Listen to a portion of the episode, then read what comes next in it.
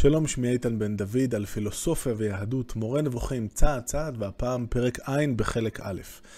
גם כאן, כמו בפרק הקודם, הרמב"ם יעסוק בקשר או ביחס בין אלוהים לבין העולם, וגם כאן כדאי שנתחיל עם כמה הקדמות כדי שהדיון במהלך הפרק יהיה יותר אה, פשוט ומובן. אה, ראשית, מן המפורסמות היא שהמקרא הלך אה, צעד מאוד משמעותי קדימה בהשוואה לדתות של האלילות, בכך שהאל אינו כפוף לחוקי הטבע, שלא כמו השכנים שלנו כאן במזרח הקדום, אלוהים נמצא מעל הטבע, הוא יצר את הטבע, הוא פטור וחופשי מהמחזוריות בוודאי של חיים ומוות, אבל גם הוא לא צריך בת זוג, הוא לא צריך לפרוט ולרבות וכן הלאה. הרמב"ם, אולי יותר מכל הוגה יהודי אחר אי פעם, הרחיק לכת עד כמה שרק ניתן בהרחקה של אלוהים, לא רק בהפרדה שלו מהטבע, אלא גם בהרחקה שלו מהעולם שלנו עד כמה שאפשר. מה שנקרא בעברית, האל הוא טרנסצנדנטי, הוא נמצא מעבר לעולם, מעבר ליקום, הוא משהו שונה לחלוטין. ובפרק הזה הרמב"ם ייקח את הדיון למחוזות האלה. זה, זאת הקדמה אחת שכדאי לתת. הקדמה שנייה נוגעת למבנה העולם שהרמב"ם קיבל כאילו זאת העמדה של אריסטו, זאת לא בדיוק העמדה של אריסטו, זה קצת יותר עמדה של המפרשים המוסלמים של אריסטו, שמושפעים בתורם מתפיסות נאו-פלטוניות. הרעיון הוא ראשית כל שכדור הארץ, הארץ קודם כל היא כדור, שזה יפה, אבל, וכמובן שנמצאת במרכז, איפה עוד תרצו שהיא תהיה. ומה שמסביר למשל את התנועה של הירח סביבנו, זה שבעצם הירח תקוע בתוך כדור שמקיף את כדור הארץ, הכדור הזה נקרא גלגל, והכדור הזה מסתובב ומקיף את הארץ, במקרה של הירח פעם ביום, ומעבר לגלגל הזה, הגלגלים הם שקופים, מעבר לגלגל הזה יש את הגלגל של השמש וכוכבי הלכת השונים וכן הלאה, עד הגלגל הגדול של כוכבי השבט. כמה גלגלים בדיוק יש, הייתה מחלוקת כמובן, מהמספר 9 שנקב אל-פרבי, הרמב"ם הולך יותר על המספר 18, יש שיטות של 55 גלגלים וכן הלאה וכן הלאה, אבל מאוד ברור לרמב"ם שאנחנו לא ממש יודעים. הוא יסביר את זה יותר בחלק הראשון, בפרקים הראשונים של החלק השני של מורה נבוכים, ששם הוא יעסוק בתמונת המצב הקוסמולוגית של העולם. אבל הגלגלים האלה הם לא רק מה שאנחנו, זאת אומרת, אנחנו רואים בהם היום, כשאנחנו חושבים על המודל הזה, קודם כל מאוד ברור לנו שהגלגלים האלה הם לא חיים, אלא הם פשוט כדורים שהם מסתובבים, או קליפות, כמו קליפות של בצל שהן מסתובבות, אבל בעיני היוונים הם היו יצורים חיים. איך אנחנו יודעים כשאנחנו מסתכלים עליהם, כשאנחנו יוונים שהם יצורים חיים? מכיוון שהם נעים, בלי שמשהו דוחף אותם, כמו שאני דוחף אבן, אלא הם נעים מכוח עצמם. וזאת ההגדרה של חיים בתפיסה היוונית. כלומר, אם אנחנו, התפיסה שלנו של חיים זה משהו ביולוגי, התפיסה שלהם הייתה משהו, אפשר לומר, איפשהו בין פיזיקלי לקינטי. אם זה זז מכוח עצמו, סימן שזה חי. לא זו אף זו, שלא כמו כל דבר אחר בעולם שלנו, התנועה של הגלגלים היא נראית קבועה. אנחנו רואים שבמשך מאות השנים שאנחנו עורכים תצפיות, המהירות של תנועת הכוכבים אינה מאטה, היא גם לא הולכת ומואצת, אלא היא קבועה, זאת הייתה תמונת המצב אז כמובן, ולכן אנחנו יכולים גם להסיק שהחומר שממנו עשויים הגלגלים, זה לא החומר שיש לנו כאן עם ארבעת היסודות שיש לנו כאן בכדור הארץ, אלא זה יסוד חמישי שנקרא אתר, לא לבלבל אותו עם הנוזל של ההרדמה או על גלי האתר, הדבר הזה באוויר, אלא זה ממש היסוד הפיזי. אבל הוא יסוד יותר מוצלח ממה שיש בעולמנו, כי הוא לא, הרבה פחות נפסד או לא נפסד כלל. ומכיוון שהם חיים, יש להם לא רק גוף, לא רק חומר, אלא גם צורה, ובעצם גם נפש וגם שכל. ובעצם מה שגורם לתנועה הזאת היא שכל גלגל, הסיבה לתנועה המסוימת שלו, שהיא תנועה מושלמת, היא סיבובית במקום, זה נחשב לתנועה המושלמת מכל אצל היוונים, זה בגלל שבאיזשהו אופן הגלגל הזה מנסה לחקות בקוף את התנועה של הגלגל הבא בתור, זה שמעליו, שהוא יותר מוצלח ממנו, השכל שלו הוא בדרגה יותר גבוהה וכן הלאה. ובסופו של דבר, את התנועה של כל דבר בעולם שלנו, כי גם בעולם שלנו, העולם שמתחת לגלגל הירח, הוא מורכב מארבעה יסודות, ולכל אחד מהם יש את המקום שאליו הוא שואף להגיע. יש לנו את האדמה ששואפת להגיע אה, למטה, ומעליה המים. ומעליה את האוויר ומעליה את האש, מעל האוויר יש את האש. הסיבה אה, שגורמת לכל אחד מהיסודות האלה לרצות להגיע למקום הטבעי והנכון לו, היא התנועה של הגלגל הקרוב אלינו, גלגל הירח. כך שבסופו של דבר, התנועה של הגלגלים היא אחראית לכל מה שקורה בעולם שלנו, לפחות ברמה הפיזיקלית, ומכיוון שכל גלגל, התנועה שלו, היא אה, בעצם מתבצעת מתוקף התנועה של הגלגל הבא בתור, הגלגל הגדול מכולם, הגלגל האחרון, בסופו של דבר אה, הוא הסיבה להרבה מהדברים שקורים כאן. אז עד כאן ההקדמה אה, שהייתה מעט ארוכה, ועכשיו נתחיל בפרק. רחב, אנחנו רחב בכף, אנחנו חוזרים לפורמט שבו הרמב"ם נקט בעשרות הפרקים הראשונים של פירוש מילה. משמעות השימוש הראשוני של ביטוי משותף זה, היא הרכיבה המקובלת של אדם על בהמות. למשל, והוא רוכב על אתונו. אחרי כן הושאל להשתלטות על דבר, לכך שהרוכב משתלט על מה שהוא רוכב עליו ומושל בו. זהו שאמר, ירכיבהו על במותי ארץ, בדברים ל"ב, והרכבתיך על במותי ארץ, ישעיה נ"ח, משמעותו אתם תשתלטו על מרומי הארץ. ודוגמה נוספת, ארכיב אפרים. זאת אומרת, זה אה, בהושע, פרק י', אה, נבואה מאוד אה, לא, לא ברורה, המעוניינים מוזמנים לקרוא קצת שם, אבל המשמעות היא, אשליט אותו ואמשיל אותו. בהתאם למשמעות זאת, נאמר על אודות האל יתעלה, רוכב שמיים בעזרך. זה דברים ל"ג לקראת סוף הספר, ופירושו השליט של השמיים. וכן לרוכב בערבות, זה מתהילים אה, ס"ח, משמעותו השליט על ערבות, ומי שלא יודע מה זה ערבות, אז, והוא הגלגל העליון המקיף את הכל. זוכרים את הגלגל העליון המקיף את הכל, שהוא אחראי על כל מה שקורה פה? אם אלוהים הוא זה ששולט עליו, זה מסביר איך, אה, באיזה אופן, זאת היחס של אלוהים לעולם שלנו, מה יחס, ה... זה מסביר שהטענה היא אה, שאלוהים הוא המנהיג את העולם. אם הוא שולט בגלגל העליון, במודל שדיברנו עליו קודם, בעצם מתוקף השליטה על הגלגל העליון, אה, אה, הדבר הזה מוביל בהכרח או גורר את השליטה בכל מה שקורה בעולם.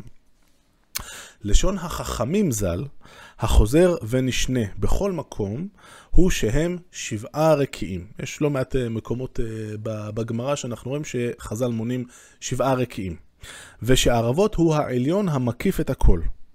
ואל תגנה שהם היו מונים שבעה רקיעים, אף שהם רבים יותר. אמרנו שמספר הגלגלים, מבחינת הרמב"ם זה לא ממש בטוח, אבל בוודאי שיש יותר משבעה. כי יש מונים כדור אחד, אף שיש בו מספר גלגלים, כפי שברור למעיינים בעניין זה, וכפי שעוד אסביר. לא ניכנס אה, יותר מדי לזה כאן, עוד נכונו לנו דיונים רבים אה, בפתיחה, בפרקים הראשונים של חלק ב' לגבי תמונת העולם הקוסמולוגית, אבל בגדול מבחינת הרמב"ם אה, אפשר להתייחס לכמה גל, גלגלים שסמוכים זה לזה כאל כדור אחד. אז אם חז"ל אומרים שבעה ריקים, זה בגלל שהם בעצם את ה-X ריקים שבסך הכל יש, מחלקים לשבע קבוצות בהקשר הזה. כאן הכוונה רק לכך שהם, החכמים, תמיד אומרים במפורש שערבות הוא הגבוה מן הכל. על ערבות נאמר, רוכב שמיים בעזרך. ולשון חגיגה, אה, אה, מה שכתוב במסכת אה, חגיגה, בדף י"ב, פרק, דף י"ב עמוד ב', לשון חגיגה הוא לאמור, ערבות, רם ונישא שוכן עליו. יש שם בעצם אה, קטע שבו מפורט, אה, זה קטע די ארוך אז אני אדלג עליו כאן, אבל המעוניינים מוזמנים לקרוא, בכל אחד מהרקיעים איזה דברים, אילו דברים נמצאים. ובין השאר, ערבות רם ונישא שוכן עליו יחד עם עוד לא מעט דברים אחרים. שנאמר, וזה ההמשך של הציטוט ממסכת חגיגה, שנאמר, סולו לרוכב בערבות. ומנהלן דאיקרי שמיים, ומאיפה אנחנו יודעים שקוראים לזה שמיים? כתיב הכה לרוכב בערבות, וכתיב התם רוכב שמיים. ברור איפה, כי עד כאן, זאת אומרת, האמירה של חז"ל, רק נתרגם את זה למי שהארמית שלו מעט אה, חלודה. אה, אז יש לנו ציטוט אחד שאומר רוכב שמיים ולרוכב בערבות, והטקטיקה הרגילה אה, של חז"ל, שיש לנו את אותה מילה, הרוכב, פה בשמיים ופה בערבות, זה סימן שהערבות זה שמיים, וכוונה כאן לשמיים, לערכי העליון ביותר. ברור אפוא כי זה מתייחס כולו לגלגל אחד, והוא המקיף את הכל, אשר עוד תשמע על אודותיו רבות. התבונן בדבריו, ש... בדברם שוכן עליו. הציטוט בתהילים זה סולו לרוכב בערבות, אבל חז"ל אמרו, ערבות רם ונישא שוכן עליו, לא בו, עליו. הם לא אמרו שוכן בו, כאילו אמרו שוכן בו, היו שתי אפשרויות. היה זה מחייב לו מקום, זאת אומרת שיש לו מקום פיזי בגלגל, או שהוא יהיה כוח בו. זאת אומרת שאלוהים הוא באיזשהו מובן חלק, חלק מהגלגל, הוא זה שאולי נותן לו את הכוח, אבל הוא חלק מהגלגל. כפי שדימו כיתות הסביה, אותם עובדי אלילים אה, שהתחלנו לפגוש אותם כאן אה, לפני כמה פרקים, והם עוד יחזרו כמה פעמים במורה נבוכים. הם דימו שהאל הוא רוח הגלגל, זאת אומרת הנפש או הצורה של, של הגלגל, לכן באומרם חז"ל שוכן עליו ולא בו, אמרו מפורשות שהוא יתעלה נבדל מן הגלגל, ואיננו כוח בו. וזה מביא אותנו למקום של העול, האל כטרנסצנדנטי לעולם, הוא נמצא מחוץ לעולם. אה, גם הגלגל הגדול ביותר, אלוהים נמצא מחוץ ממנו, הוא שולט בו, אבל הוא לא חלק מהעולם שלנו.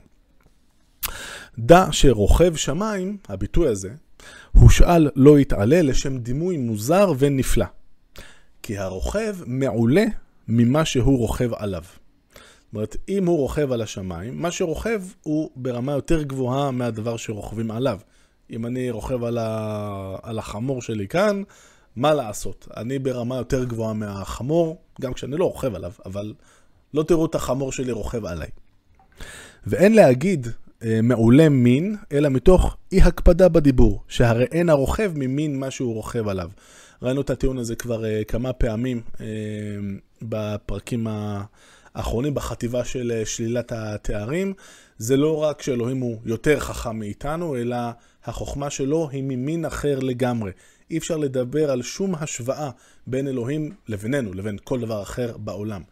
ולכן גם כאן, אה, אה, זה להגיד שהרוכב מעולה מן הדבר שהוא רוכב עליו, זה נכון בשבילי ובשביל החמור, שבסופו של דבר אנחנו קרובי משפחה פלוס מינוס, אבל זה רק דימוי ליחס בין אלוהים לבין העולם, כי ההבדל הכל כך תהומי בין העולם לבין אה, אלוהים, האל הוא הדבר היחידי שהוא מחויב המציאות, כל שאר הדברים הם אפשרי המציאות והקיום שלהם תלוי בקיום של אלוהים, ולכן זה לא ממש מדויק להגיד שאלוהים יותר מעולה מהעולם.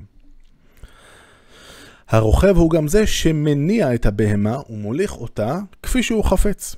היא כלי לו, כלי עבורו, אשר הוא משתמש בה כפי שהוא רוצה. הוא נקי ממנה, לא מחובר אליה, אלא מחוץ לה. כן האלוה, התהדר שמו, הוא מניע הגלגל העליון, אשר בתנועתו של הגלגל העליון מתנועע כל מתנועע שבו, זאת אומרת כל הדברים שהם בתוך העולם, והוא יתעלה נבדל ממנו, ואין הוא כוח בו.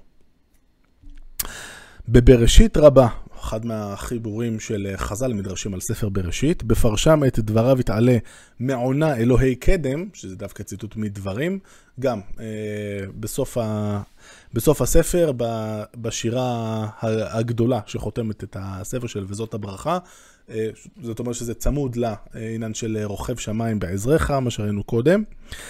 אמרו, מה זה מעונה אלוהי קדם? הוא מעון עולמו, ואין עולמו מעונו. זאת אלוהים לא גר בעולם שלנו, אלא העולם שלנו כביכול גר באלוהים. היחס הוא הפוך, זה לא שאלוהים הוא חלק מהעולם שלנו, היחס הוא הפוך. בעקבות זאת אמרו, הסוס תפילה, בטית, אה, זאת אומרת, משהו תפל לרוכב, ואין הרוכב תפילה לסוס. הדה הוא דכתיב כי תרכב על סוסיך. זה מה שכתוב בחבקוק, כי תרכב על סוסיך. זה לשונם. התבונן בו אפוא, והתברר לך כיצד הם הסבירו את יחסו של האל יתעלה אל הגלגל, שהוא כלי שלו, אשר בו הנהיג את המציאות. כי כל אימת שאתה מוצא את החכמים ז"ל אומרים כי בשמיים הפלוניים יש כך וכך, ובשמיים הפלוניים יש כך וכך, וזה מחזיר אותנו למסכת אה, חגיגה, אולי אני כן אקרא איזה, איזה משהו קטן פה כדי ש, שיהיה לנו ככה תחושה של אה, איך הדברים האלה נראים. אז יש לנו בעמוד י"ב, בדף י"ב, אה, עמוד ב', אמר רבי יהודה, שני רקיעים הן, שנאמר, הן לאדוני אלוהיך השמיים ושמי השמיים. ריש לקיש אמר שבעה, ואלו הן וילון, רקיע, שחקים, זבול, מעון, מכון, ערבות. ווילון זה ככה, זה זה זה, וסתם ניקח אה, דוגמה, שחקים שבו ריחיים עומדות וטוחנות מן לצדיקים. שנאמר, ואז יש פסוק ש, אה, אה, שמקשר בין שחקים לבין האמן. או זבול שבו ירושלים ובית המקדש, כמובן ירושלים של מעלה וכן הלאה וכן הלאה. אז בכל אחד מהרקיעים, חז"ל במדרש הזה אומרים, אוקיי, ברקיע הזה יש כך וכך.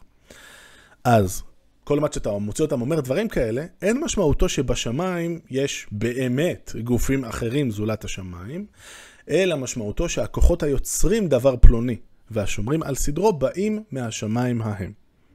הראיה למה שאמרתי לך היא דברם, דברם, ערבות שבו צדק וצדקה, ומשפט, וגנזי חיים, וגנזי שלום, וגנזי ברכה, ונשמתן של צדיקים, ונשמות ורוחות שעתידים להיבראות, וטל שעתיד הקדוש ברוך הוא להחיות בו המתים. זאת אומרת, אלה כל הדברים שיש אה, ברשימה הזאת בערבות. אה, וכל הדברים האלה מאוד אה, מופשטים, חוץ מטל, נכון? טל זה הדבר היחידי פה שהוא גשמי, כל השאר זה דברים שבאמת נורא מופשטים. אה, כמו משפט, זה לא משהו פיזי, נכון? אבל טל היינו יכולים להגיד, רגע, אולי זה באמת אה, שם את ה-H2O המאוד אה, ספציפי אה, של אותו טל. ברור שמכל מה שמנו כאן, אין דבר שהוא גוף כך שיהיה במקום, כי טל אינו כפשוטו. הדבר היחידי פה, אומר הרמב"ם, שהיה חשוד בזה שהוא כפשוטו, זה לא כפשוטו, הטל הזה זה לא באמת אה, מים, הטל שעתיד הקדוש ברוך הוא להחיות באותם מתים, ולכן אה, זאת אינדיקציה לזה שהכל פה זה כמובן רק מטאפורה. לא היינו מצפים מהרמב"ם אה, להגיד משהו אחר כמובן. התבונן כיצד אמרו על זאת שבו, אוקיי? ערבות שבו צדק ומשפט וכולי. כלומר שהם בתוך ערבות, הם לא אמרו שהם עליו. נכון? רק, אלו, רק על אלוהים, חז"ל אמרו שהוא נמצא מעל, על ערבות. כל השאר באמת בתוך ערבות. הרי זה כאילו הודיעו שהדברים האלה הנמצאים בעולם, נמצאים רק הודות לכוחות הבאים מערבות, הכוחות הבאים מהגלגל העליון, כמו שהקדמנו בהקדמה שלנו. האל יתעלה הוא אשר עשה אותו עיקרון להם והכניס אותם בו. אותו זה את הערבות, את הגלגל האחרון, עשה את, את הגלגל הזה עיקרון, או אה, תרגום אחר יכול להיות אה, אה, התחלה, אה, והכניס אותם בו, זאת אומרת, אה, הגלגל העליון הוא זה שבעצם מביא אותם לידי מציאות באיזשהו אופן. ובכללם גנזי חיים. ועכשיו הרמב"ם מגיד מילה על אה, הסיפור הזה של הגנזי חיים. זה הנכון והאמת הטהורה, כי כל חיים הנמצאים בחי הם רק מאותם חיים כפי שאציין להלן. אה, ואת זה יהיה לנו בפרק ע"ב, בפרק ע"ב בחלק הראשון, ובפרק י' אה, בחלק השני, זאת אומרת עוד יהיה דיון על כל העניין הזה של אה, חיים והחיים אחרי המוות. התבונן כיצד מנו את נשמתן של צדיקים ונשמות ורוחות שעתידים להיבראות, חלק מהדברים שנמצאים בערבות, ומה נשגב עניין זה למי שמבין אותו. ועכשיו אנחנו, האוזן שלנו קצת אה, מתחדדת, כי בעצם הרמב"ם כאן יגיד כמה דברים ש... ייכללו בדיון המאוד מעורפל שהוא מקפיד לעשות במורה נבוכים בדבר הישארות הנפש. אה, זמן טוב להפנות אה, לסרטון, אה, אפשר לראות את הלינק כאן או בתיאור, על הישארות הנפש והפצצה שהרמב"ם מטיל לנו במקום אחר, במורה נבוכים, אבל גם כאן אני חושב שנוכל למצוא רמז לעמדה שאני חושב שהרמב"ם מנסה לבסס. כי הנשמות הממשיכות להתקיים אחר המוות, אינן הנשמה המתהווה באדם כאשר הוא נוצר, כי זאת המתהווה בשעת היווצרותו, היא כוח הכנה בלבד, בעוד הדבר הנבדל אחר המוות הוא מה שהגיע להיות בפועל. נעצור ונסביר. אה, הרמב"ם אה, כאן מאוד מאוד מקצר, אבל אה, או שהוא מניח שקראנו את שמונה פרקים, שהוא חלק מפירוש המשנה, חיבור המופת הראשון של הרמב"ם, או שאנחנו הפנמנו את הדברים שהוא גם כתב במשנה תורה, חיבור המופת השני שלו. הוא, הוא כן ירחיב על הדברים האלה גם בהמשך, בינתיים פה זה ממש מאוד מעופל. אני ארחיב רק מעט, כי זה לא באמת המקום שבו לדון בהכל. האדם, כמו אה, כל אה, בעל חיים, נולד עם אה, נפש. ואנחנו נולדים, בשונה משאר בעלי החיים, אנחנו, היכולת השכלית שלנו היא יותר שלמה, יותר עליונה, אנחנו גם מסוגלים לחשוב, להגות, או כמו שאומרים בעברית של ימי הביניים, אנחנו מדברים. אבל זה שיש לנו את הפוטנציאל הזה להיות מדברים ולחשוב, זה לא אומר שאנחנו גם מממשים אותו. אה, רובנו אולי אפילו לא. אנחנו במהלך החיים, אם אנחנו עובדים כמו שצריך, לאט לאט אנחנו נצבור עוד תובנות ונוציא מן הכוח אל הפועל את הפוטנציאל השכלי שיש לנו. כמובן, אה, כשבסופו של דבר המטרה העליונה היא הכרת האל כפי כוח האדם. אז אם אני לא לומד שום דבר בכיוון הזה, אלא כל חיי אני רק מתעסק ביום-יום, אז היה לי את הפוטנציאל, לא מימשתי אותו, ו... ועם מותי, אה, בעצם הנשמה הזאת, הפוטנציאל שהיה לי, אה, היא נשארת קשורה לגוף ובעצם מתה יחד איתו, קלה יחד איתו. אבל אם השקעתי ולמדתי על האמיתות של העולם בכלל, זאת אומרת, למדתי גם מתמטיקה ו, אה, וגם תיאולוגיה, וגם מטאפיזיקה, וגם על, אני מבין שהאל לא יכול להיות יצור פיזי, ושיש אל אחד, וכן הלאה וכן הלאה.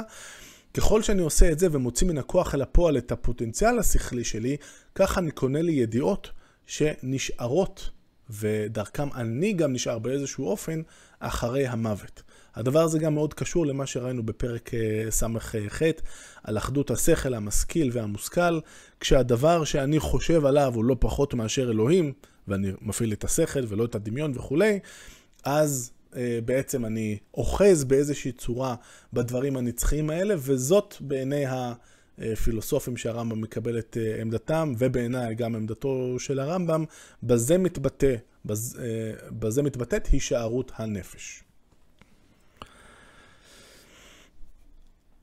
כמו כן, אין הנשמה המתהווה זהה עם הרוח המתהווה, ולכן בנו, מנו בין הדברים המתהווים נשמות ורוחות. ואילו הנבדלים, הדברים שהם אה, קיימים בלי הגוף, אלא רק אה, צורה, רק נפש, אה, או רוח או נשמה, אני בכוונה בינתיים רוצה לא לעמוד על הדייקנות של כל המילים האלה, הם, הנבדלים הם דבר אחד, סליחה, בלבד. אנו כבר הסברנו בפרק מ' כי רוח הוא שם משותף, כן הסברנו בסוף ספר מדע, אה, וזה כמובן לספר המדע, אה, החלק הראשון של משנה תורה, את ריבוי המשמעויות שחל בשמות אלה. אני רוצה כאן לא ללכת ולקרוא את הדברים בספר המדע, פחות או יותר זה הולך לפי התמצות אה, שנתתי קודם, כמובן שהמעוניינים מאוד מוזמנים. התבונן אפוא כיצד המשמעויות המופלאות, הנכונות, אשר עליהן הגיע עיונם של המעולים מבין אלה שעסקו בפילוסופיה, חז"ל כבר אמרו אותם קודם, הן מפוזרות במדרשות. כאשר רואה אותם, את המדרשים, ראייה ראשונה, איש מלומד, בבן אדם שמבין עניין, למד פילוסופיה וכולי, אבל אשר אינו עושה צדק, הוא צוחק להם, כי מפשוטם נראה לו שהם סוטים מאמיתות המציאות. ולמה זה קורה? למה אה, חז"ל נאלצו אה, לכתוב את הדברים לא כמו שאריסטו למשל כותב את זה כאן בספרים שלו, אלא בצורה הזאת עם המדרשות, באמירות המאוד לא מדויקות, המאוד אה, אגד, אגד, אגדתיות, אגדיות, עם הרבה, אה, ראינו את זה גם אה, קודם, הרבה האנשה של האל וכולי. הטעם לכל זה הוא הדיבור בחידות, כי הדברים זרים מכדי שיבנו מהמון, כפי שהודענו כמה פעמים, הדבר הזה כמובן נאמר על ידי הרמב"ם במורה נבוכים חזור ואמור, ראינו את זה מהפתיחה והלאה. יש נושאים, יש תכנים שחייבים לדבר עליהם בחידות, הן בגלל הדברים עצמם, טבע הדבר שאותו אנחנו אה, מנסים לדעת או להסביר, וגם בגלל הקשיים שלנו כלומדים לאורך הדרך. ולכן חז"ל נאלצו להלביש את האמיתות האלה בלבוש, שנכון, במבט ראשון הוא כביכול לא עומד בשבט הביקורת המדוקדקת.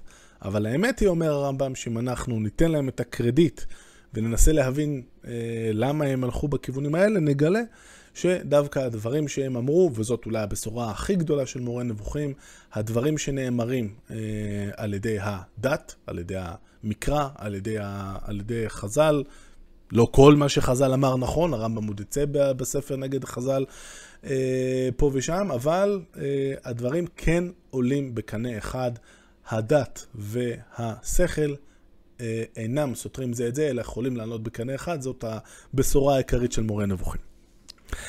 אחזור להשלים את מה שהתחלתי לבאר ואומר, שהם ז"ל החלו מביאים ראיות מלשונותיהם של פסוקים, לכך שהדברים שנמנו הם בערבות, באומרם, למשל, צדק ומשפט, מאיפה אנחנו יודעים שצדק ומשפט נמצאים בערבות, דכתיב, צדק ומשפט מכון כיסאיך, זה ציטוט מתהילים. וכן הביאו ראיות על אלה שמנעו אותם, שהם מיוחסים לאל יתעלה שהם אצלו, הבן זאת אפוא. זאת אומרת, כאן אה, בפרק, אה, בדף י"ב, שהקראתי קודם, יש עוד הרבה כאלה, כמו אה, הדוגמאות שהבאתי קודם, עם המן לצדיקים, אז בעצם אומר הרמב"ם, הם ביססו את כל הדברים האלה על פסוקים, כמובן בדרך פרשנות יצירתית משהו, אבל יש, ויש סיבה לזה שהם עשו את זה כך. הבן זאת איפה? אנחנו, אה, אני חושב, יכולים אה, כאן אה, להבין שהמטרה היא, ש, ש, המטרה של הרמב"ם היא לגרום לנו להבין שבסופו של דבר גם הם בעצם, גם לחז"ל היה את המודל הזה של הגלגלים שיש, כשהם אמרו רקיעים זה לא אה, דברים שהם אחד מעל השני והם שטוחים, כמו שאנחנו עלולים לחשוב, אלא גם להם הייתה תורת הגלגלים, כולל הקשר בין הגלגלים השונים, אה, כמו שהסברנו קודם בהקדמה שלנו כאן. ובפרקי רבי אליעזר, עוד uh, חיבור מדרשי, אמרו, שבעה רקיעים ברא הקדוש ברוך הוא, ומכולם לא בחר כיסא כבוד למלכותו, אלא ערבות, שנאמר, סולו לרוכב בערבות. זה לשונו, והבינהו אפוא גם כן. ועכשיו, אה, אם זה לא הספיק כל הרמיזות שלנו עד עכשיו, עכשיו עוד רמיזה, אה, והפעם מול מה שנקרא מעשה מרכבה, החזון המופלא של יחזקאל, שהרמב"ם אה, ייכנס לפרשנות העמוקה שלו, אבל בצורה מאוד מרומזת בהתחלה של חלק ג', וכאן הוא נותן רמז משמעותי לאיך שהוא רואה את הדברים. דע שקבוצה של בהמות רכיבה קרויה מרכבה. זה חוזר הרבה. ויאסור יוסף מרכבתו במרכבת המשנה, מרכבות פרעה, והראיה ששם זה חל על מספר בהמות, דברו, וזה ציטוט ממלכים א' פרק י', ותעלה ותצא מרכבה ממצרים ב-600 כסף וסוס ב-50 ומאה. זאת ראיה שמרכבה מציין, חישוב זריז בראש, ארבעה סוסים. לכן אני אומר שמכיוון שנאמר כפי שנאמר, וזה בחזון יחזקאל של המרכבה, שאת כיסא הכבוד נשאו ארבע חיות, זה ביחזקאל א', קראו אותן החכמים ז"ל מרכבה, מתוך שדימו אותן למרכבה שהיא ארבעה פרטים. זאת המידה אשר עד אליה נתגלגלו הדברים בפרק זה. כמו כן, יש הכרח בהערות רבות אחרות בעניין זה. אה, וכאן הרמב"ם בעצם אה, לא יחזור ויסביר לנו בפרק הזה על העניין של אה, מעשה המרכבה או חזון המרכבה, אבל שימו לב שהוא בעיקר ביסס את העניין של ארבעה פרטים. המרכבה היא בעצם שם לארבעה דברים, ומקובל מאוד לפרש שבסופו של דבר הכוונה היא כאן להסביר שאלוהים רוכב על המרכבה, זאת אומרת המרכבה היא של אלוהים, הוא רוכב בה.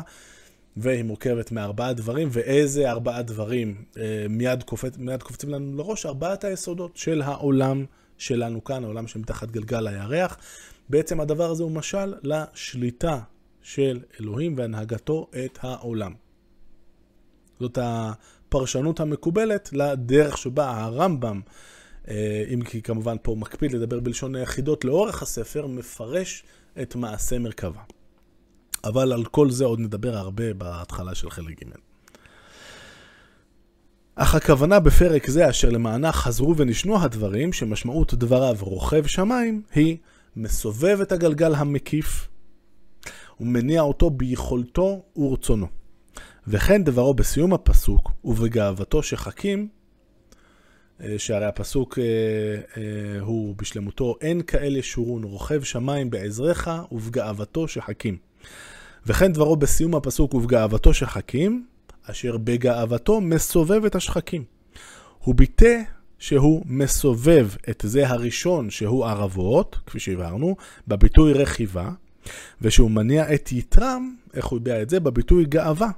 כי בתנועת הגלגל העליון, זאת התנועה היומית, זאת אומרת הגלגל העליון מקיף את כדור הארץ, אה, משלים סיבוב, סליחה, פעם ביום. יתנועעו הגלגלים כולם כתנועת החלק בכל. זאת אומרת, התנועה הזאת של הערבות, היא בעצם, כמו שאמרנו קודם, גוררת את התנועה של כל שאר הדברים ביקום. וזאת היא היכולת הגדולה אשר הניעה את הכל. לכן קרא זאת גאווה. ועכשיו המשפטים האחרונים בפרק, יהנה עניין זה נוכח תמיד בדעתך, בקשר למה שאני עתיד להגיד, בנוגע אה, לחזון המרכבה מצד אחד ולגבי היחס בין אלוהים לעולם, שהרי זאת היא הראייה הגדולה ביותר, שבה יודעים את מציאות האל. זאת אה, כשהוא יוכיח את מציאות האל, הרמב"ם יראה לנו כמה דרכים, אבל מבחינתו, אה, וזאת גם ההוכחה שהוא מביא בפתיחה של אה, משנה תורה, ההוכחה הכי גדולה לקיום האל היא הסיבוב המתמיד והקבוע של הגלגל העליון שמניע את כל השאר. כוונתי לסיבוב הגלגל, כפי שהוכיח בהוכחה מופתית. על כן, הבן זאת. מילה אחת רק לסיום, רבות נאמר, אה, שבעצם היום אנחנו מחזיקים בתמונה כמובן קוסמולוגית ואסטרונומית מאוד אה, שונה, אנחנו כבר לא חושבים במונחים אה, של הגלגלים, אבל בסופו, ובסופו של דבר, כמו שהיום כבר כל ילד יודע, לפחות את הפאזה הנוכחית של היקום שלנו, אנחנו אה, מייחסים למפץ הגדול, אותה תחרות עצומה של אנרגיה, שכל שאר האנרגיות שהיום אה, ממלאות את היקום שלנו, הן בעצם אה, נולדו מאותה התפרצות אה, אחת. אה, ותמיד מקסים אותי, אה, מעניין אותי לחשוב, אם הרמב"ם היה מודע לתמונת העולם הזאת, מה הוא היה אה, עושה, באיזה פסוקים הוא היה לוקח, מאיזה אמירות של חז"ל הוא היה... אה, בעצם מחלץ את הטענה שאין לי ספק שהוא היה טוען, שבסופו של דבר אה, הדברים שכתובים אה, במקרא עולים בקנה אחד עם תמונת העולם המדעית הזאת. זה בדיוק, ולמה אני כל כך בטוח? כי, ניתן לכם שיעורי בית, אם תלכו ותעיינו בפרק כ"ה בחלק ב', שהרמב"ם שם חושף את המנגנון ומסביר שאם הוא היה צריך לעשות, אה, בעצם להחזיק בדעה אחרת, הוא היה מוצא את הדרך לפרש, לפרש את הפסוקים בצורה שתתאים. מה שמדהים אצל הרמב"ם, שאני גם מאוד מאמין לו. זאת אומרת, זה לא כמו כל איזה אחד אחר שהיה, אולי לוקח עוד איזה פסוק פה ושם. מה שעושה כאן בפרק הזה הרמב"ם הוא באמת בסופו של דבר מרשים. זאת אומרת, לחלץ אה, מהמדרשות האלה ומהפסוקים אה, האלה אה, תמונת אה, עולם שעולה בקנה אחד עם תמונת העולם המדעית, זה ממש לא קל, זה ממש לא פשוט. אין לי ספק שהוא באמת היה מצליח אה, לעשות את, ה... לעשות את אותו, אה, להגשים את אותה מוטיבציה שבוודאי הייתה לו, גם עם תמונת העולם המדעית של ימינו. גם מאוד סקרן איך, איך בדיוק הוא היה עושה את זה. אבל את זה, אינשאללה, בעולם האמת, אני אשב איתו על כוס קפה, ונראה מה היה לו לומר על זה. עד כאן להפעם, להתראות.